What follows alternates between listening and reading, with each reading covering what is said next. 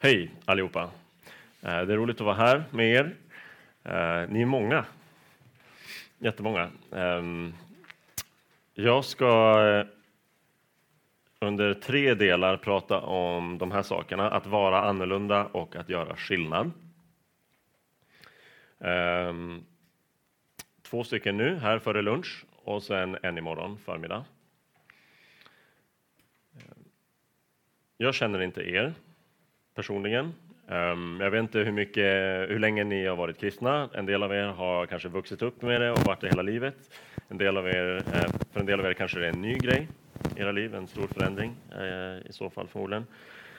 Um, jag vet inte hur mycket ni kan om Bibeln, om det jag säger upplevs för enkelt eller eh, komplicerat eller vagt ibland. Ehm, det är några år sedan jag var där ni är nu, i gymnasieskolor och, och så här.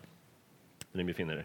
Allt det här betyder att eh, jag tror att det jag har att säga eh, förhoppningsvis har en, en, del att ge er, men för att det här ska bli riktigt bra så vill jag ha respons från er på olika sätt. Eh, och ett sätt som vi har byggt in det i det här lägret på är att jag kommer ha två eh, undervisningsdelar här nu.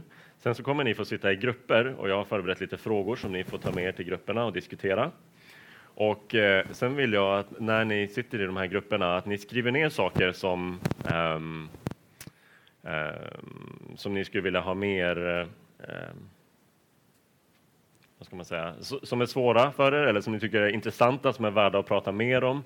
Frågor som dyker upp eller kanske något ni tycker, som jag har sagt, som tycker men Nej, det där stämmer egentligen inte Martin. Um, och, sådär. och då vill jag att ni i grupperna skriver ner det på pappret där, där mina frågor står. Skriv ner det på baksidan, så, lite frågor. De kan vara väldigt breda, de kan vara så här smala. Um, och så kommer vi samla ihop dem och så i eftermiddag klockan halv fyra så blir det ett litet seminarium mer som där jag och några andra sitter eh, här på varsin stol och eh, eller kanske står, jag vet inte.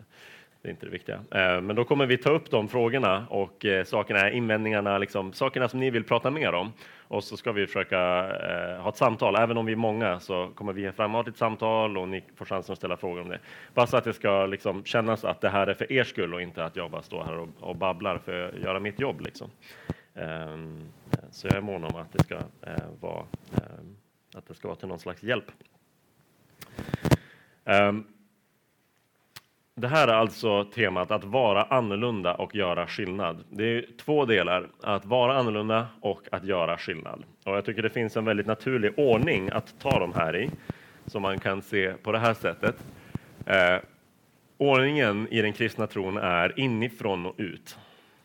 Gud arbetar med oss inifrån och ut. Eh, när vi kommer till tro på Jesus så säger Bibeln att vi får ett ett nytt hjärta, att vi föds på nytt och att det är någonting som händer inifrån. Vi får nya övertygelser, vi får ny kärlek till Gud, eh, förståelse för vem han är och det här gör skillnad sen i vårt liv.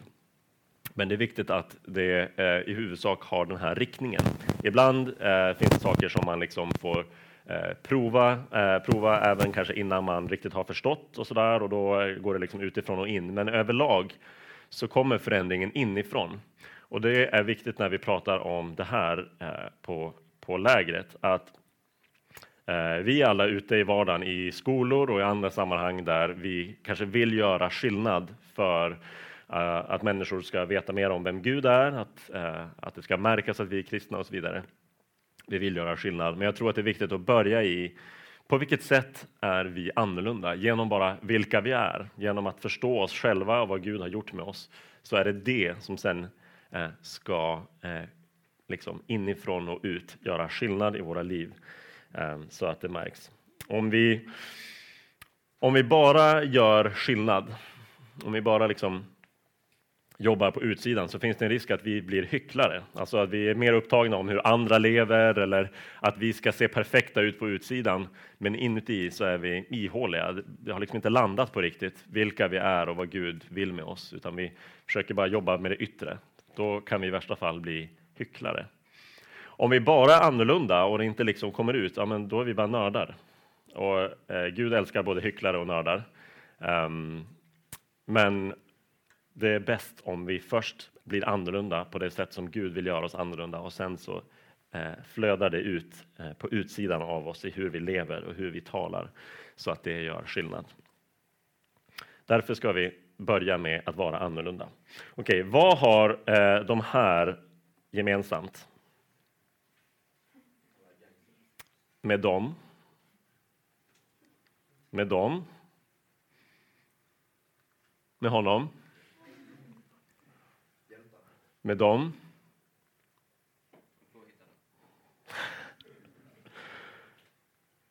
De är alla annorlunda. Inte bara det, jag vet inte när ordet annorlunda först äh, träffar er om ni tänker att det är något positivt eller att det är något negativt. Men åtminstone när vi ser de här äh, äh, personerna och elefanten så vill jag med det få oss att fundera på om annorlunda, vi har en tendens att kanske göra det till något negativt. Jag har det åtminstone.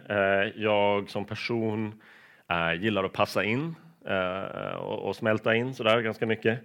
Eh, men när man tänker på de här, det var någon som sa att de är hjältar och det är precis det som är poängen.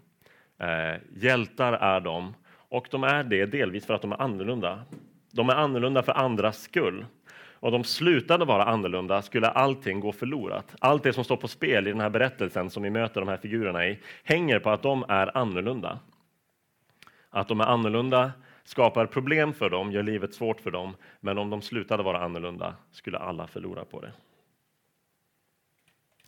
Lite så är det med oss eh, som är kristna eh, och det faktum att vi är annorlunda. Jag kommer nu göra en liten snabbspolning genom eh, Bibeln och prata om hur det här med att vara annorlunda liksom finns nästan från början till slut i Bibeln. Jag kommer eh, använda uttrycket Guds folk. Vad menar jag med det? Med uttrycket Guds folk menar jag alla som genom den bibliska historien från början till slut vill tillhöra Gud, vill tro på honom, vill leva för honom. Och det är ju också eh, oss då. Guds folk börjar eh, i början eh, i skapelsen och vi är nu en del av Guds folk. Och det här med att vi känner oss annorlunda eller att vi är annorlunda. Eh, att andra tycker att vi är lite annorlunda är inget nytt.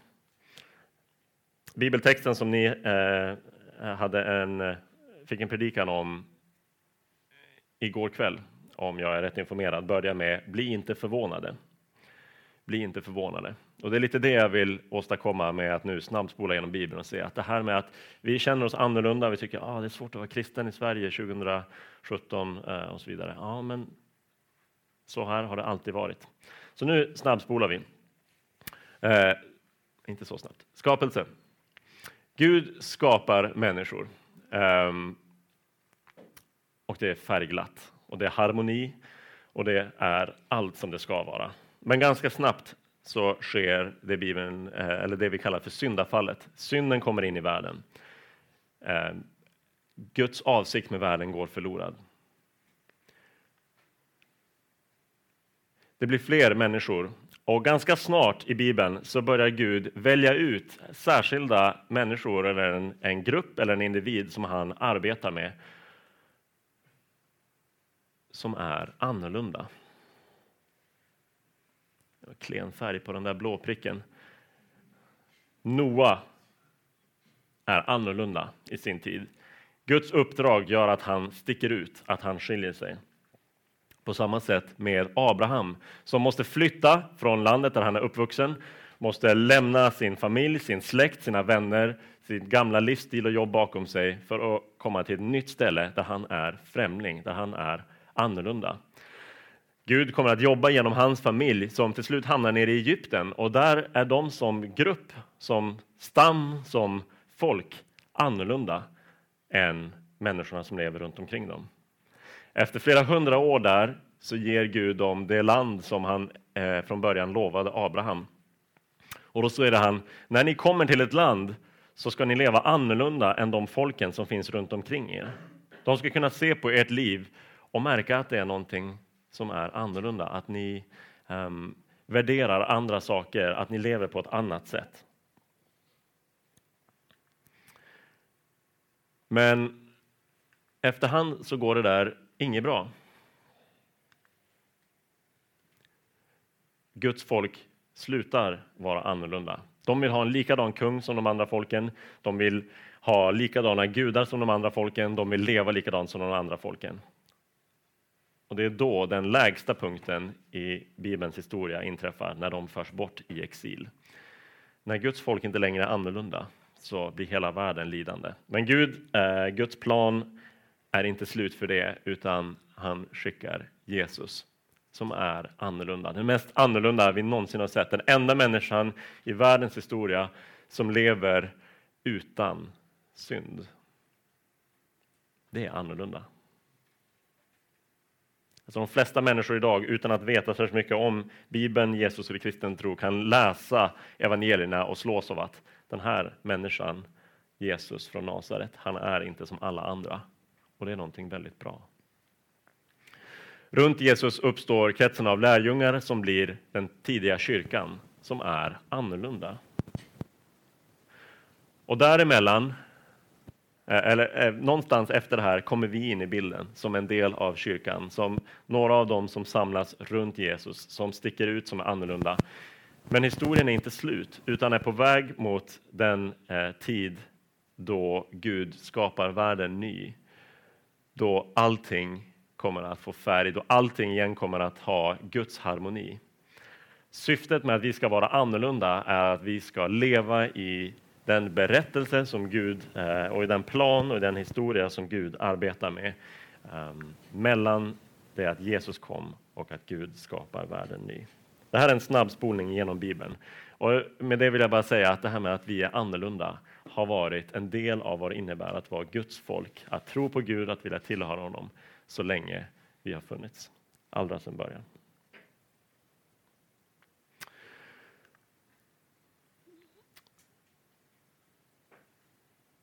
För att prata om hur vi ska leva annorlunda så skulle vi därför kunna öppna nästan, nästan vilken bok av Bibeln som helst och vi skulle kunna hitta olika beskrivningar av olika perspektiv på vad det innebär att leva i den här världen och att vara annorlunda.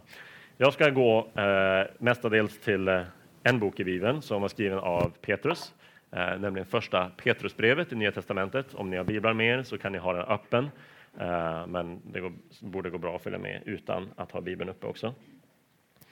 Eh, Petrus var en av Jesu tolv lärjungar. Eh, på många sätt verkar han redan från början ha varit lite av en ledare. Han eh, har lätt för att prata, eh, är liksom snabb med att prata, ibland lite för snabb.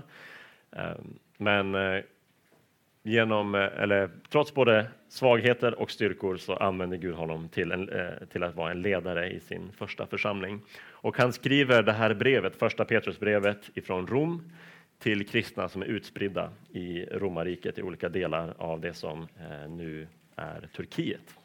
Bara som lite bakgrund. Och en sak som är slående när man läser första Petrusbrevet är att han ofta kallar de han skriver till för främlingar. Från Petrus, Jesu Kristi apostel, till de utvalda som lever kringspridda som främlingar i Pontus, Galatien, Kappadokien, Asien och Betynien. Det här är alla olika provinser i det som idag är Turkiet. Längre fram skriver han, när ni lever som främlingar, mina älskade, jag uppmanar er som främlingar. Han skriver till människor som på olika sätt sticker ut, som är annorlunda, som inte helt passar in, som inte helt känner sig hemma där de finns. Eh, och han ger dem råd för eh, hur de ska leva och förklarar varför det är så att de känner sig annorlunda och att de är annorlunda. Därför ska vi ställa oss två frågor nu eh, som Petrus ska hjälpa oss besvara. På vilket sätt är vi annorlunda? Och varför ska vi vara annorlunda?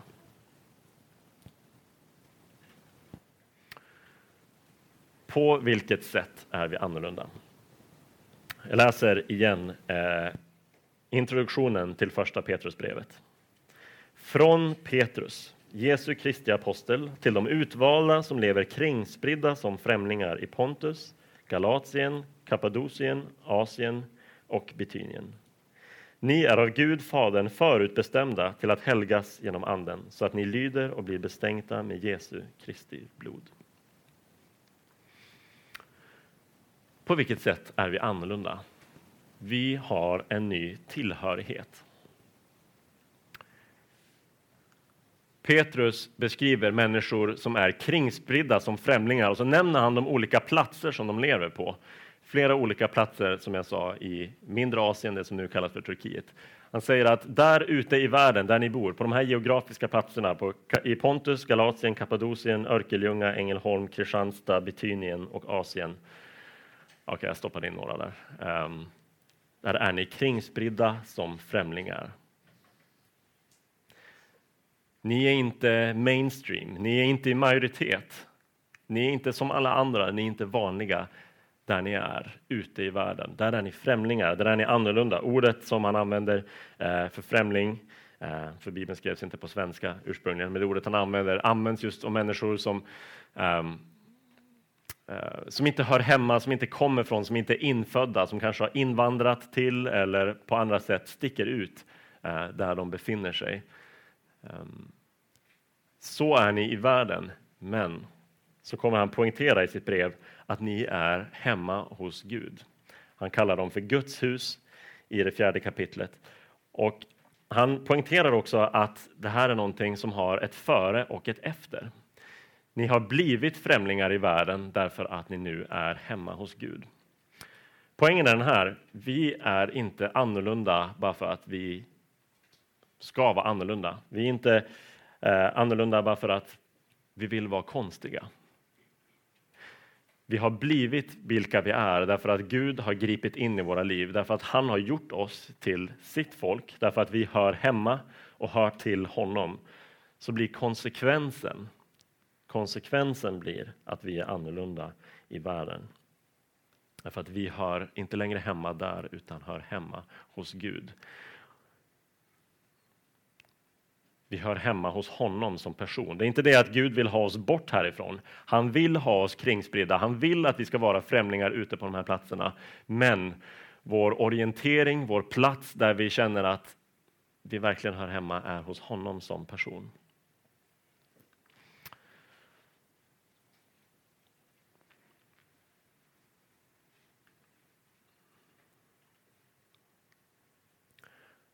Här är vi i världen och där är Gud. Vad är det som har gjort oss annorlunda?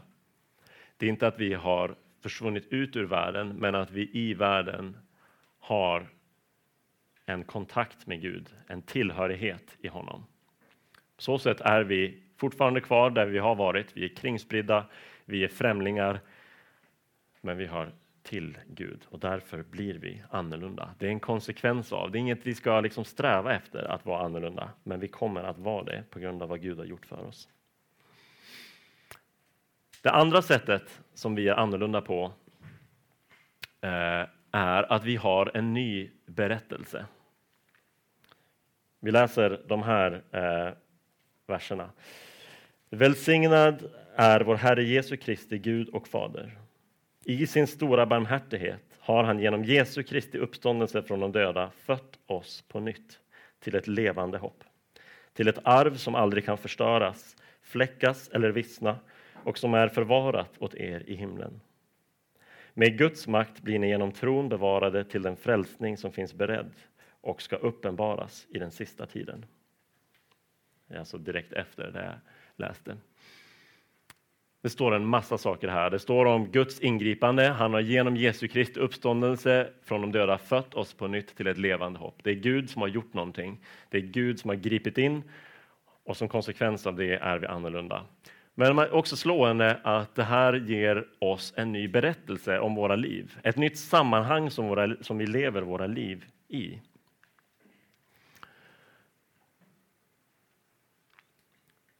Av bland de olika människorna som lever så sticker en ut. Och det är för att han har ett nytt sätt att förstå sitt liv. Hans liv är inte bara en prick, inte bara ett ögonblick, eh, inte bara ett nu. Det är inte bara idag, det är inte bara alla intryck som man ska för, försöka sortera ut och tolka, utan den kristne, den som har blivit född på nytt av Gud genom Jesu Kristi död och uppståndelse, har en berättelse, har en riktning, har en linje som han lever efter. Som kristna så lever vi mellan Jesus, korset och uppståndelsen, korset och kronan, som är i historien, och vårt levande hopp, framtiden, det nya Jerusalem, staden som Uppenbarelseboken talar om, där Gud själv bor, det som är Guds nya paradis för oss. Den kristne finns inte bara i nuet. Den kristne sticker ut i nuet, i vardagen. 2017 i Sverige så är kristna annorlunda därför att deras sätt att se på världen har en röd tråd, har en linje som är utstakad mellan vad som har hänt i historien och vad som en dag kommer att hända. Så våra liv är som den där pilen, de är på väg någonstans.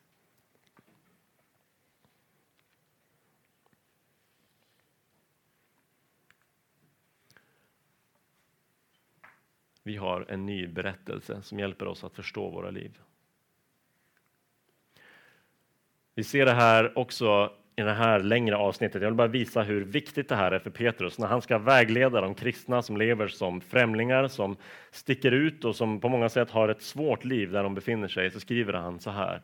Spänn därför bältet om livet och var vakna och sätt ert hopp helt och fullt till den nåd som ska komma er till del när Jesus Kristus uppenbaras. Som lydnadens barn ska ni inte styras av de begär som ni tidigare levde i när ni ännu var okunniga. Nej, liksom han som har kallat er är helig ska ni föra ett alltigenom helgat liv. Det står skrivet, ni ska vara heliga, ty jag är helig. Om ni ropar Fader till honom som opartiskt dömer var och en efter hans gärning, så vandra här i Guds fruktan under er tid som främlingar. Ni vet ju att det inte var med förgängliga ting, med silver eller guld som ni blev friköpta från det meningslösa liv ni ärvt från era fäder utan med Kristi dyrbara blod, som med blodet av ett lamm utan fel och lyte. Han var utsedd redan före världens skapelse, men har i dessa sista tider uppenbarats för er skull. Ni som genom honom tror på Gud, som uppväckte honom från de döda och gav honom härlighet, så att er tro och ert hopp står till Gud. Väldigt många verser på en gång, står jättemycket där, men jag har markerat några ord i rött för att eh, för att visa och för att förtydliga just det jag försöker eh, kommunicera till er nu. Som kristna så lever vi i en ny berättelse med ett annat sammanhang, med en annan inriktning på vårt liv. Eh, och det är därför vi är annorlunda. De här orden som är rödmarkerade märker på olika sätt ut antingen vår framtid eller vår historia. Hopp, det är dit vi är på väg när Jesus Kristus uppenbaras. Det är vår framtid, att Jesus en dag ska komma tillbaka, att Gud ska göra världen ny. Ni blev friköpta, då är vi tillbaka i historien. Före världens skapelse, då är vi tillbaka långt, vem vet hur långt tillbaka i historien vi är. Men vi ser samtidigt, att det här är ett stycke där Petrus försöker tala om för de kristna hur de ska leva nu. Er tro och ert hopp, och det står ni ska vara heliga ni ska föra ett alltigenom heligt liv. Ni ska inte nu styras av de begär som ni levde i tidigare. Alltså när vi som kristna ska försöka navigera i vardagen, när vi ska försöka fatta våra beslut i en vanlig vecka, när vi ska försöka prioritera, vad är det som är viktigt att leva för i mitt liv? Hur vet jag eh, vad som är ett rätt liv? Vad kan hjälpa mig att förstå den här världen och min plats i den? Så ser vi gång på gång i Bibeln att det sammanhang som hjälper oss att förstå både mig själv och världen jag lever i är Guds berättelse och Guds plan. Vi lever mellan Jesus och den nya jorden, det nya Jerusalem. Så sätt ett hopp till Jesus. Lev eh, i ljuset av den framtid som vi tror på. Och också, vi vet att vi blev friköpta genom Jesus Kristus för, eh, som det var bestämt före världens skapelse. Där har vi historien.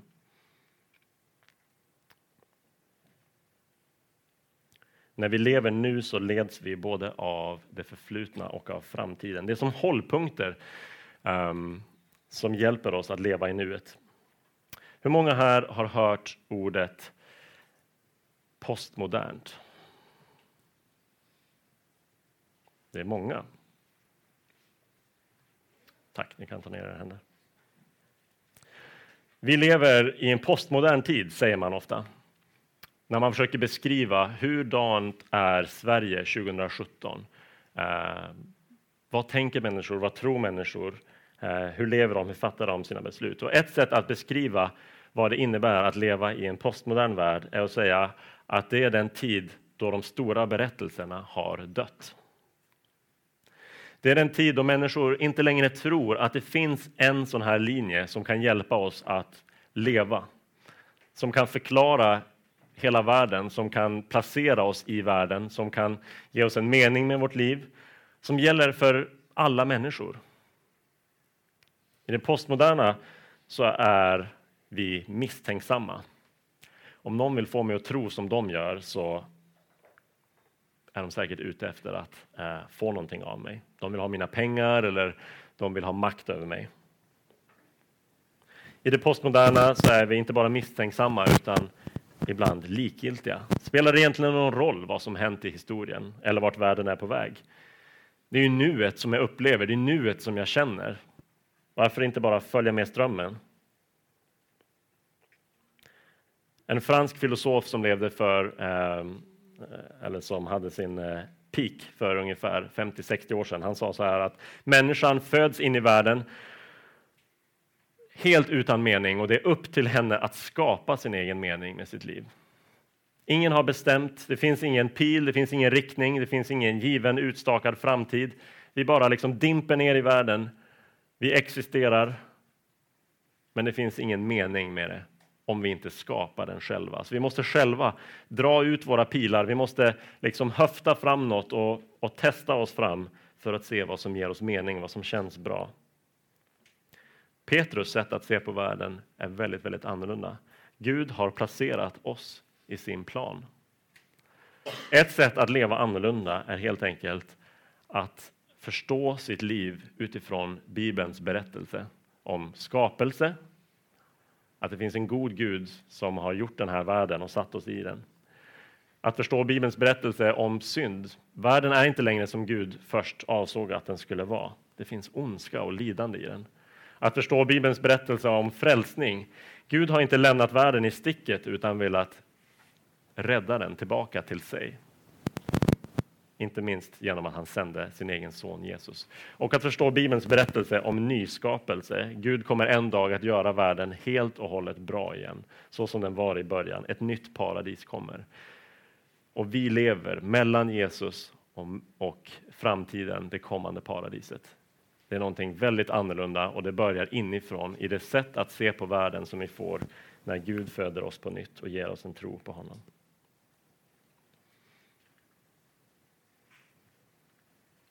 På vilket sätt är vi annorlunda? Vi har en ny berättelse, vi lever mellan historien och framtiden.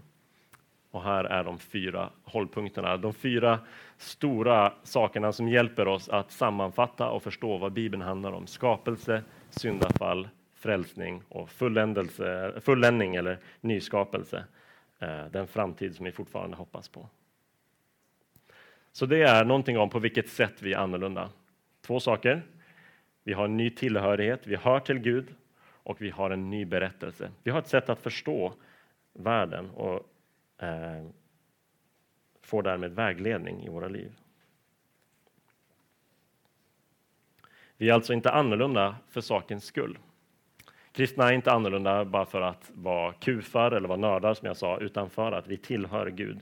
Och Det är också viktigt att förstå i den här berättelsen att vi inte är annorlunda för att vi är bättre än någon annan. Gud har fött oss på nytt genom Jesu död och uppståndelse. Det är Gud som har gripit in, som har gjort oss annorlunda genom att förvandla oss, genom att föda oss på nytt. Ehm, så vi är annorlunda på grund av Gud. Men varför ska vi vara annorlunda? Det är den andra stora frågan här. Varför ska vi vara annorlunda? Vi är det för att Gud har gjort någonting med oss. Han har gjort så att vi tillhör honom och han har placerat oss i sin plan, i sin berättelse. Men varför ska vi vara annorlunda? Varför är det viktigt för Gud att vi lever annorlunda i världen? Två saker som Petrus talar om är att vi ska efterlikna Gud. Liksom han har kallat er är helig ska ni föra ett alltigenom helgat liv. Det står skrivet, ni ska vara heliga för jag är helig. Petrus citerar här när han säger det står skrivet. Om vi läser det i Nya testamentet så betyder det att de citerar någonting ur Gamla testamentet. Det står skrivet. Han citerar tredje Mosebok, denna eh, favoritbok för de flesta i Bibeln. Eh, tredje Mosebok. Eh, Ni ska vara heliga, för jag är helig. Ända från början i Gamla testamentet, ända tillbaka i skapelsen, så skapades ju människan för att likna Gud. Vad kallas vi i skapelseberättelsen? Guds... Någon som vet? Avbild. En avbild liknar någonting. Från början skapade Gud människan för att likna honom. Och när våra liv eh, levs i tro på honom, i kärlek till honom, så kommer de att börja likna Guds eget liv. Och Det är också poängen med att vara annorlunda i världen. Att vi ska likna Gud mer än vi liknar världen. På så sätt så vill Gud att de som är kristna, de som tillhör honom idag, ska börja bli det människan en gång skapades för att vara, Guds avbild. Det var det som gick förlorat när vi eh, föll i synd. Det är det som liksom skadas i oss när vi syndar. Vi liknar inte längre Gud. Men vi ska Eh, vara heliga. Vi ska försöka efterlikna Gud.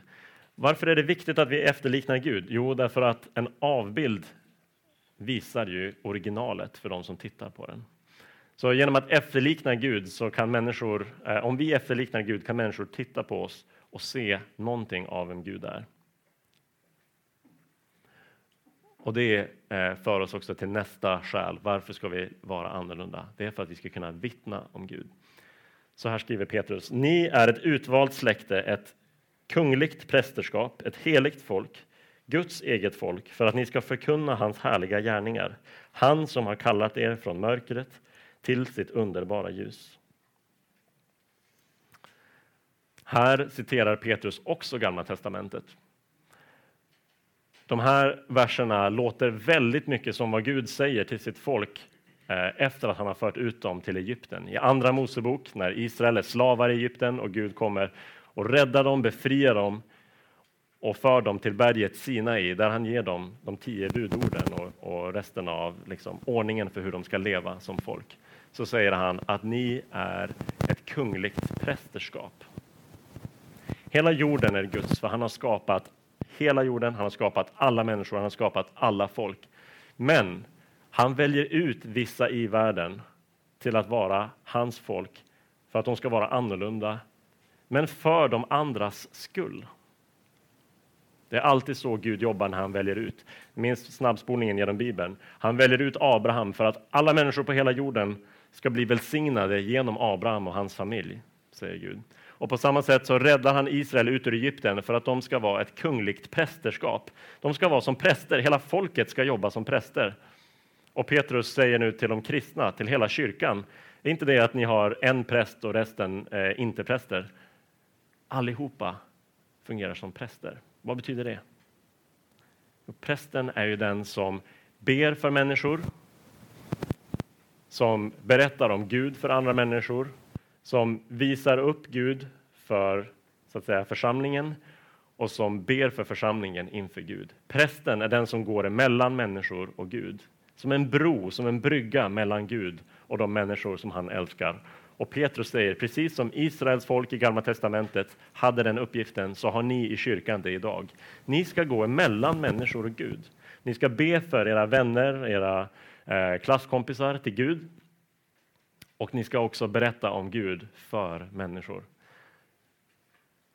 När vi efterliknar Gud så kan vi också vittna om Gud med våra ord eh, och göra honom känd.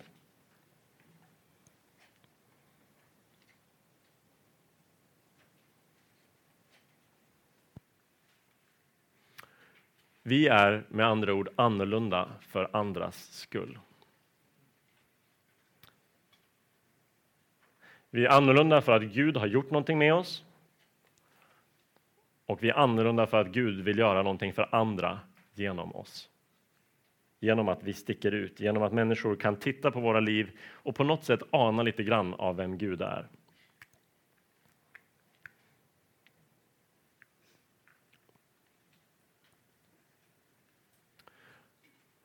Varför ska vi vara annorlunda? för andras skull. betyder att det finns två eh, sätt att misslyckas med den här uppgiften. Misslyckas låter eh, allvarligt och det kan det vara. Eh, men det kan också vara ett sätt bara att se på vanliga små eh, eh, saker vi gör i våra liv och fundera på lyckas jag att leva så som Gud vill i det här avseendet? Um, och de här sätten, jag kallar dem för klassiska, för det är två liksom sätt att, eh, att ramla av hästen, två sidor att ramla av hästen eller ramla av linan eller två diken som vi som Guds folk, som kristna, eh, väldigt lätt eh, hamnar i. Och det första ser ut så här.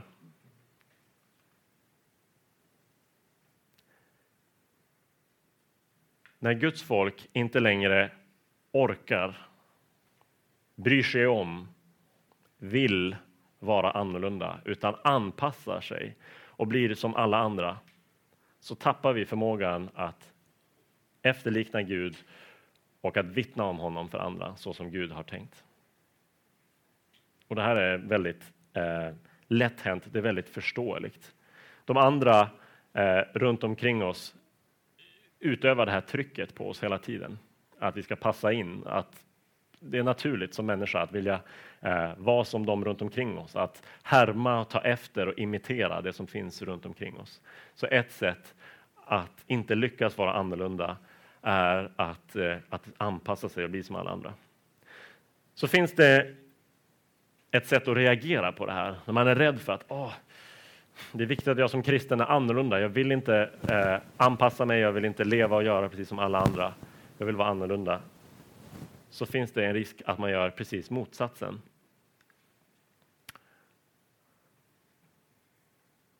Man flyttar ut sig och man bygger en mur.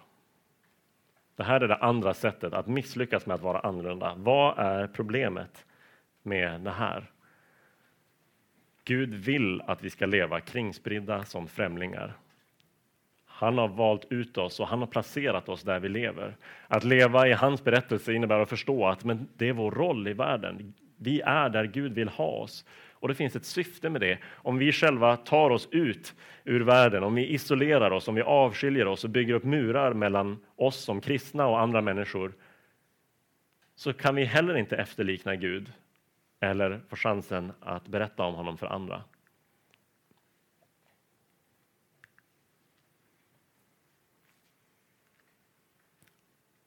Vi ska vara annorlunda för andras skull. Problemen är anpassning eller att vara anti. Och det intressanta är att båda de här sätten är att låta världen styra en. Det ena sättet säger man så här, ah, jag måste vara som alla andra för jag orkar inte sticka ut. Det är för jobbigt för mig att människor vet att jag är kristen eller att säga nej till de saker som jag eh, i mitt samvete tror att jag borde säga nej till. Så låter jag världen styra mig. Men om jag är anti och säger att jag måste vara annorlunda. Jag, jag, ska inte umgås med andra, jag måste hålla mig borta, jag ska absolut inte vara med på det som andra gör. Eh, jag ska vara kritisk till andra. Så låter jag också världen styra mig. Det jag måste göra är istället vara annorlunda. Att låta Gud råda, att låta förvandlingen komma inifrån och ut. Jag ska vara annorlunda, inte för sakens skull, det är liksom inte det jag pratar om, utan jag ska vara annorlunda därför att jag följer Gud, att jag tillhör honom, att jag lever mitt liv i hans berättelse och låter honom leda mig. Då kommer jag att vara annorlunda och han vill ha mig kvar ute i världen, annorlunda för andras skull.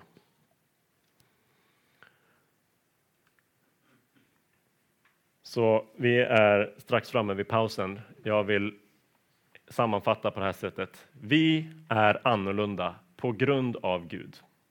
I honom har vi en ny tillhörighet och en ny berättelse. Men vi är annorlunda också för andras skull. Det handlar inte om vi och dem, utan om vi för dem. Det är ett vanligt uttryck idag, man pratar om vi och dem och man är rädd för att bygga upp den här kontrasten mellan människor. Man pratar om hur farligt det kan vara när en grupp tänker på världen som vi och dem. Det är vi som är den innersta kretsen och de är utanför. Vi har rätt, de har fel. Men Guds sätt att placera oss i världen som annorlunda är inte vi och dem, utan vi för dem. Han vill ha oss där ute och det är för deras skull som vi ska leva heligt för att efterlikna Gud och för att kunna visa på honom där vi är.